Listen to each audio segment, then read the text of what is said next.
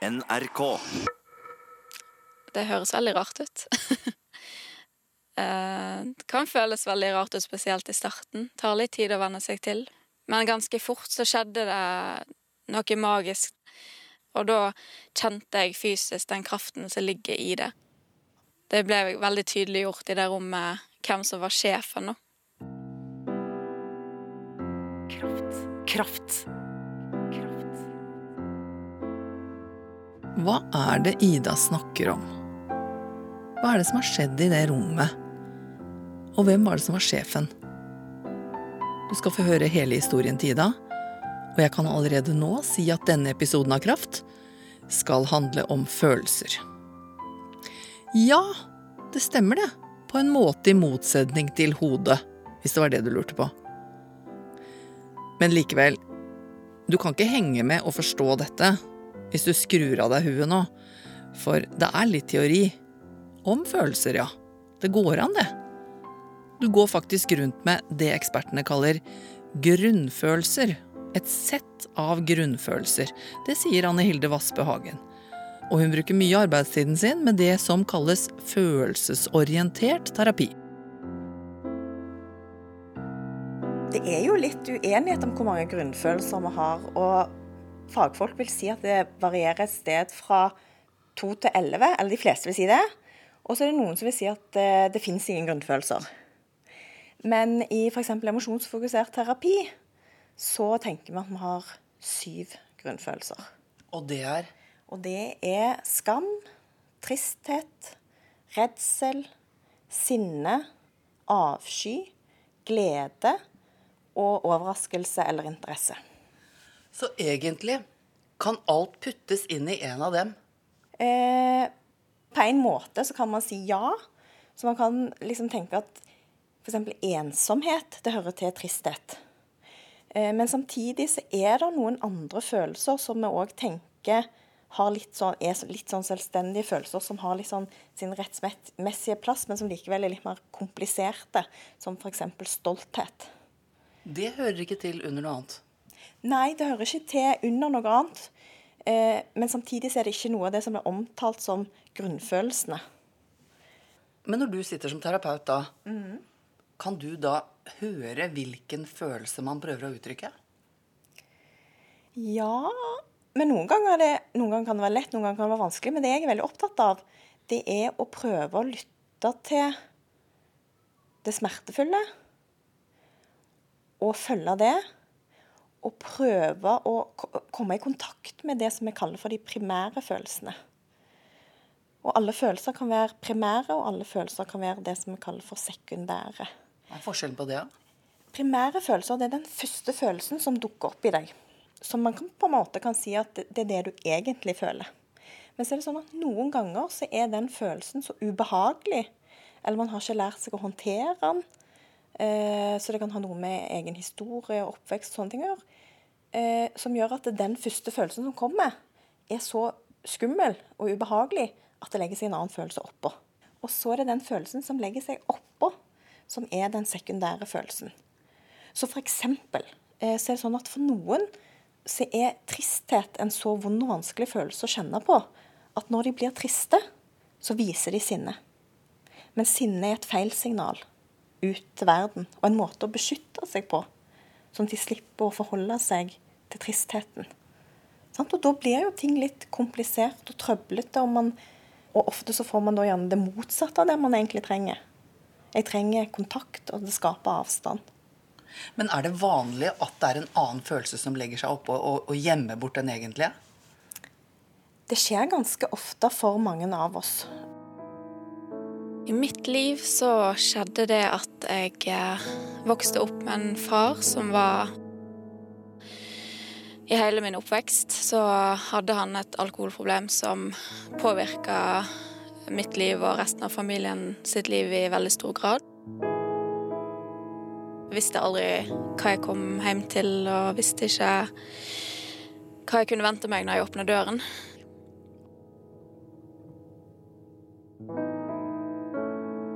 Alt føltes ganske rotete.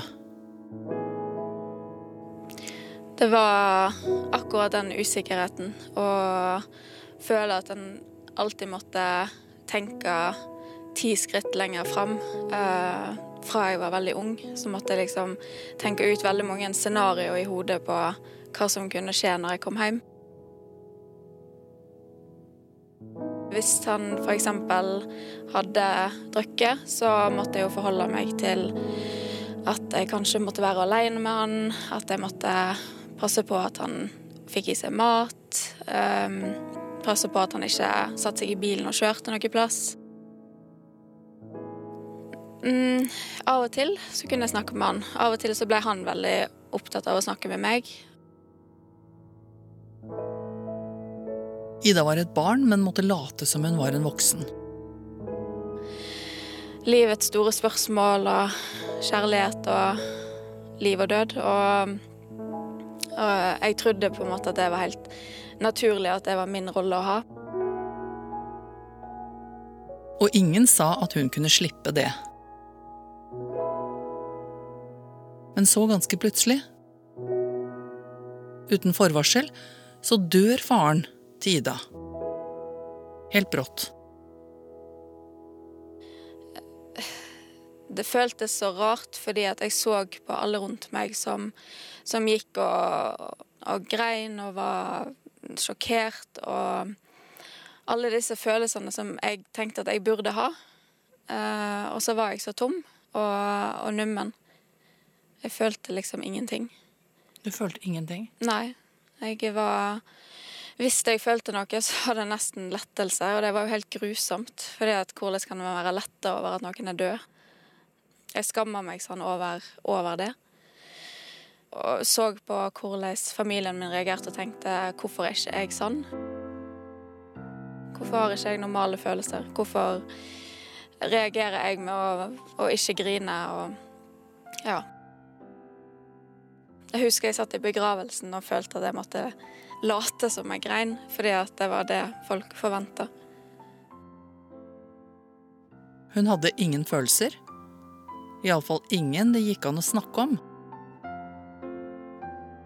Det var akkurat som at jeg liksom bare rømte fra, fra det meste, egentlig. Det var akkurat som at jeg ikke følte glede heller. Jeg følte ingenting. Og jeg ble desperat etter å føle noe. Og den desperasjonen gjorde at Ida begynte å hoppe over spisingen. Da føler du jo ting. Du føler ekstrem metthet eller ekstrem sult. Eh, og så er ikke det følelser, men, men når en er så desperat, så tar en på en måte det en kan få. Og da Ida begynte i en kognitiv mestringsterapi, så håpet hun å få ryddet i følelsene. Men hun syntes ikke at de var nok opptatt av alle følelsene hennes som satt dypt inni henne. Jeg prøvde å gi uttrykk for at her er det mange andre ting som ikke stemmer.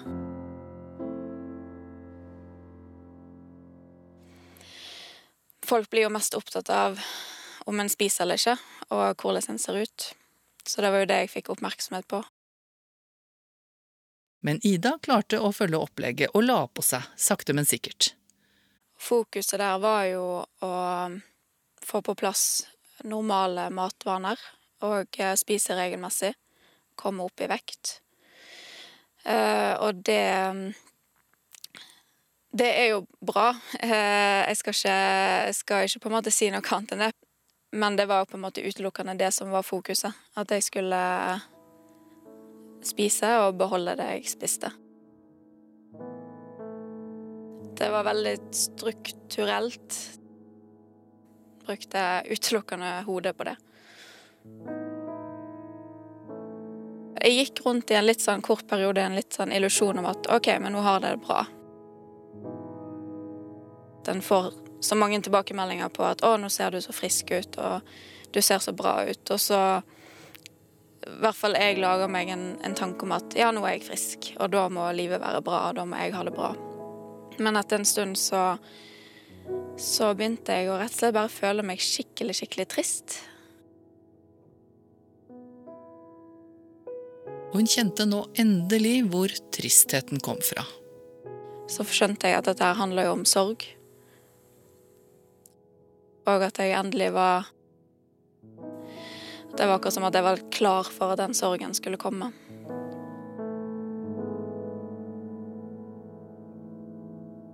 i den perioden så gjorde jeg veldig lite. Jeg var, jeg var hjemme med, med, mamma. Jeg hadde leilighet i, eh, i Bergen, men jeg eh, klarte ikke å forholde meg til studier eller jobb eller noe. Så jeg hadde en periode der jeg egentlig bare satt i en stol.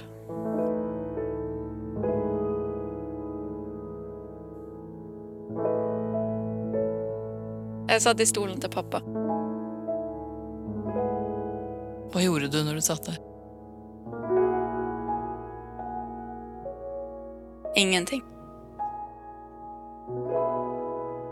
Jeg bare stirret ut i luften og lata som jeg så på TV, men hodet mitt var ikke Jeg var ikke til stede. Jeg var veldig skuffa over meg sjøl.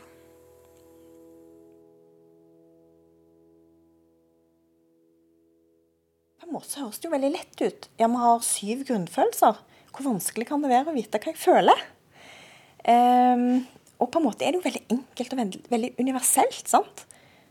For vi føler akkurat det samme. Sinne er liksom på samme måte i kroppen vår, og det kjennes likt. Men for noen kan det være ganger ti, og for noen er det ganger to. Men det er på en måte det samme. Så på en måte er det jo veldig enkelt og universelt, og på en annen måte så blir det veldig komplekst og vanskelig. Og det der med at man kan ha primære og sekundære følelser Jeg har noe jeg egentlig føler, og så sender jeg ut feilsignaler. Det er på en måte bare én måte følelser kan krølle seg til.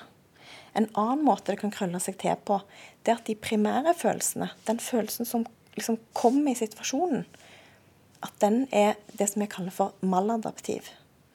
Den, det er en gammel, fastlåst følelse som hører fortiden til som ikke bringer med seg noe friskhet eller ny informasjon. Og ikke ny informasjon om behovene våre, men at det liksom er gamle følelser og gamle behov som blir aktivert nå i dag i situasjoner der det ikke lenger gir mening for oss. Eh, og det er òg veldig komplisert og vanskelig. Så når vi jobber med dette i terapi, så er vi ikke bare interessert i å få kontakt med den primære følelsen, det du egentlig føler, men vi er spesielt på jakt etter de maladaptive primære følelsene. Og det Anne Hilde som terapeut forsøker å gjøre, er å høre på den umiddelbare følelsen. Altså for eksempel sinne. Det kommer en utrolig sinna mann inn i terapirommet. Han er så rasende på mange ting, og så frustrert og gæren på det meste.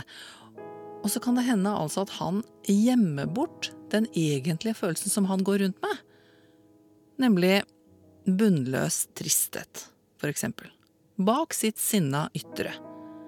Og det som er så dumt med det, det er jo at han blir jo møtt sånn, da. Som om han er sinna. Folk reagerer jo ut fra at han er rasende på alt mulig. Men det han kanskje egentlig trenger, det er en uh, klem. Eller litt trøst.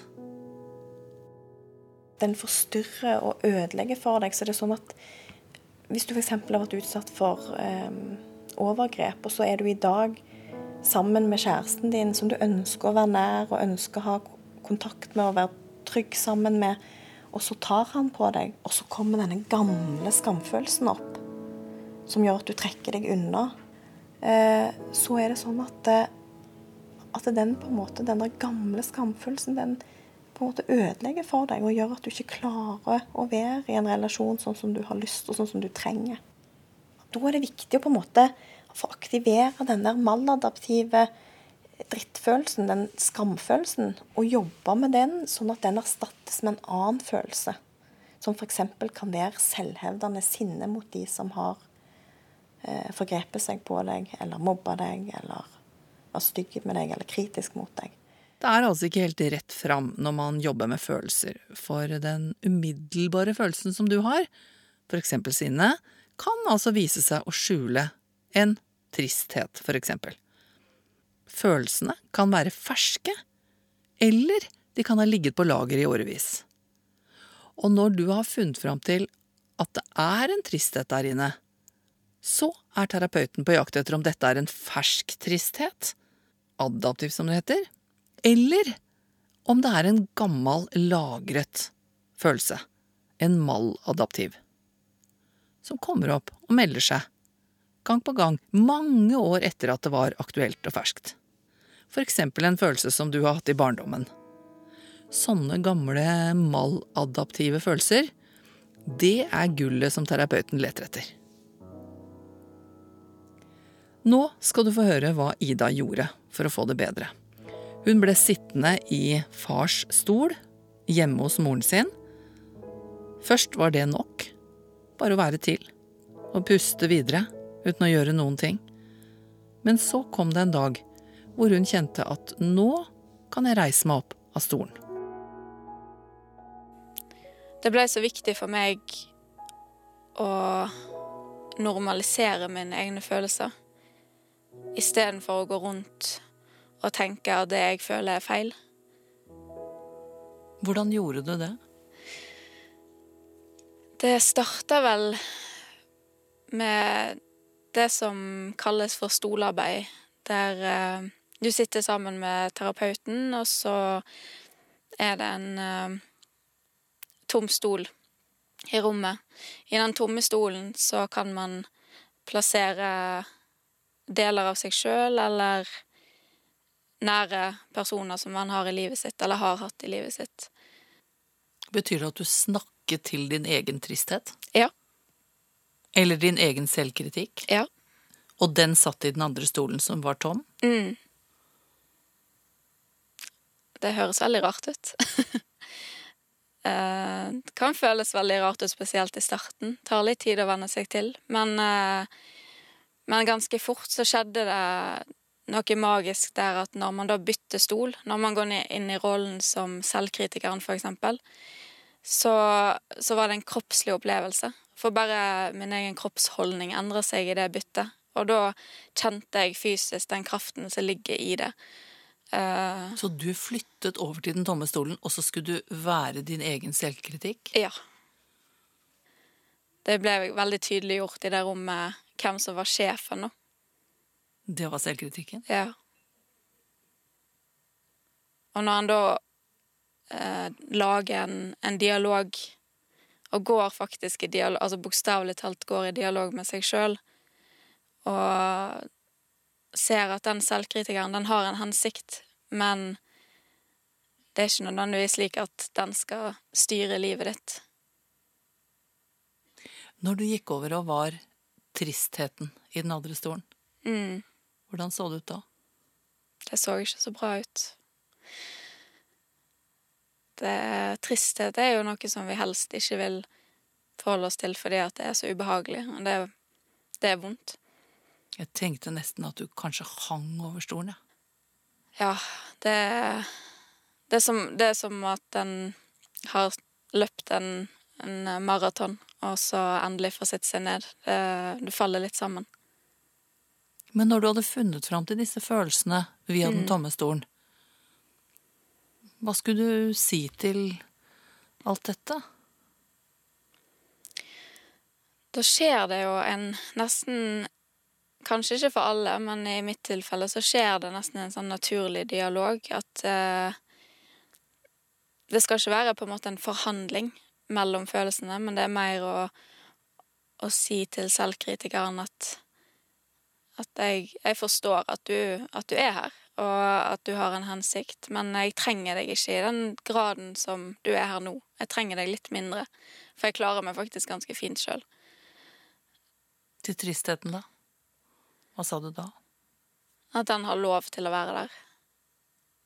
At det ikke At det at tristheten kommer inn i, i livet og, og bosetter seg litt i meg, det betyr ikke at eh, det betyr ikke at livet er over, eller at, at alt går galt, eller at jeg mister nære og kjære, eller at jeg blir spiseforstyrra igjen. Altså det, den tristheten har, skal ha et rom, og et rom som er veldig viktig.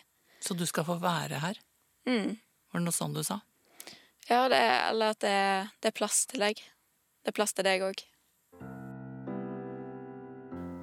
Tilbake til Anne Hilde. Hun møter mennesker som Ida i terapirommet stadig. Og jeg spør om det hun gjør, er omtrent som å gå på jakt. Ja, det er litt det.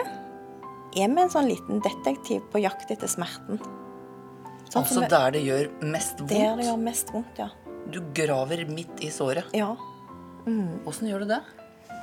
Jeg gjør det gjennom eh, bruk av empati, nysgjerrighet, og at jeg leser eh, det emosjonelle uttrykket, Kroppen? kroppen, måten ting blir sagt på mer enn selve ordene. Eh, sånn at hvis f.eks. jeg sitter sammen med en pasient som gråter, men som snakker med en veldig sånn stemme at jeg eh, jeg har det litt vanskelig på jobb for tida, og jeg eh, syns det er veldig vanskelig å forholde meg til en av de ansatte, og så renner det i tårer f.eks. samtidig. Så, så vil ikke jeg være så opptatt av å spørre om Fortell meg mer om den konflikten, hvordan er det egentlig på jobb? Sånn, da vil jeg istedenfor fokusere på den tåren, og, så, og, og f.eks. si noe sånn som at Så hvis du bare stopper opp litt og kjenner etter, hva er det som foregår på innsiden? Så egentlig er dette slutt å prate, begynn å kjenne etter? Ja, på en måte litt. Ja. Veldig ofte når man liksom graver i det som er vondt, så er det ofte et kritisert eller ensom og forlatt lite barn der inne på et eller annet vis. At det òg ofte er noen erfaringer som går litt tilbake i historien. Men når man finner det barnet, når du er framme, for å si det sånn, hva skal til da? Det er å være der lenge nok til at de maladaptive følelsene byttes ut med andre følelser.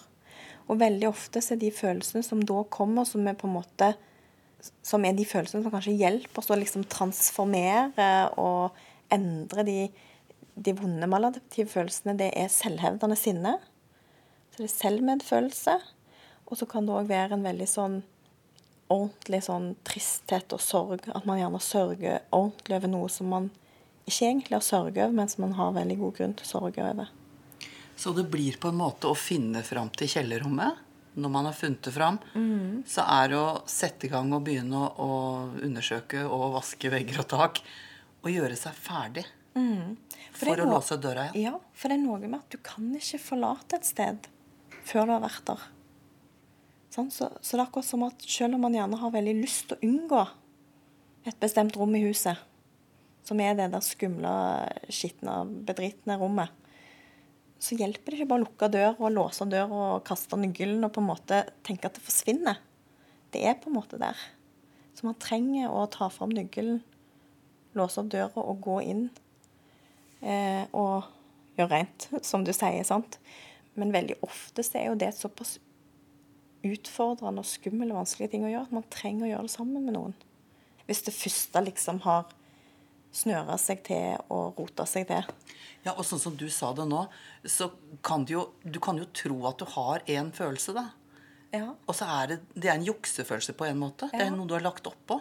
Så for meg så høres det ut som det er ganske intrikat å finne dette kjellerrommet. Men I tillegg til å være en juksefølelse, så er det alltid en følelse som beskytter deg.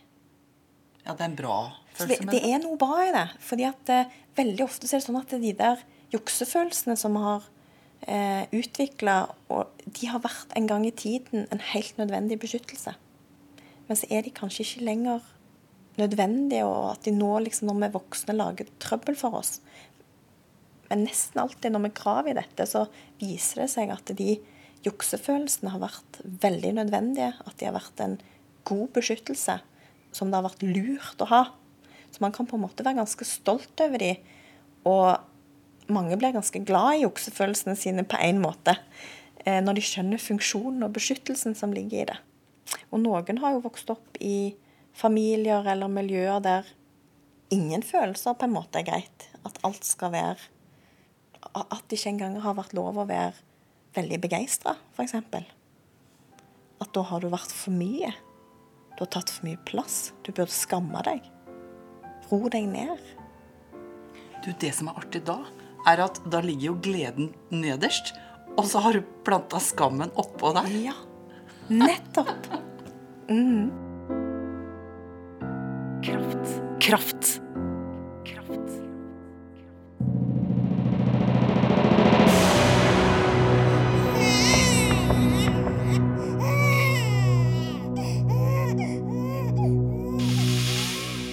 Helt plutselig er du født, kommet inn i livet, uten at noen har spurt deg om du har lyst til det engang.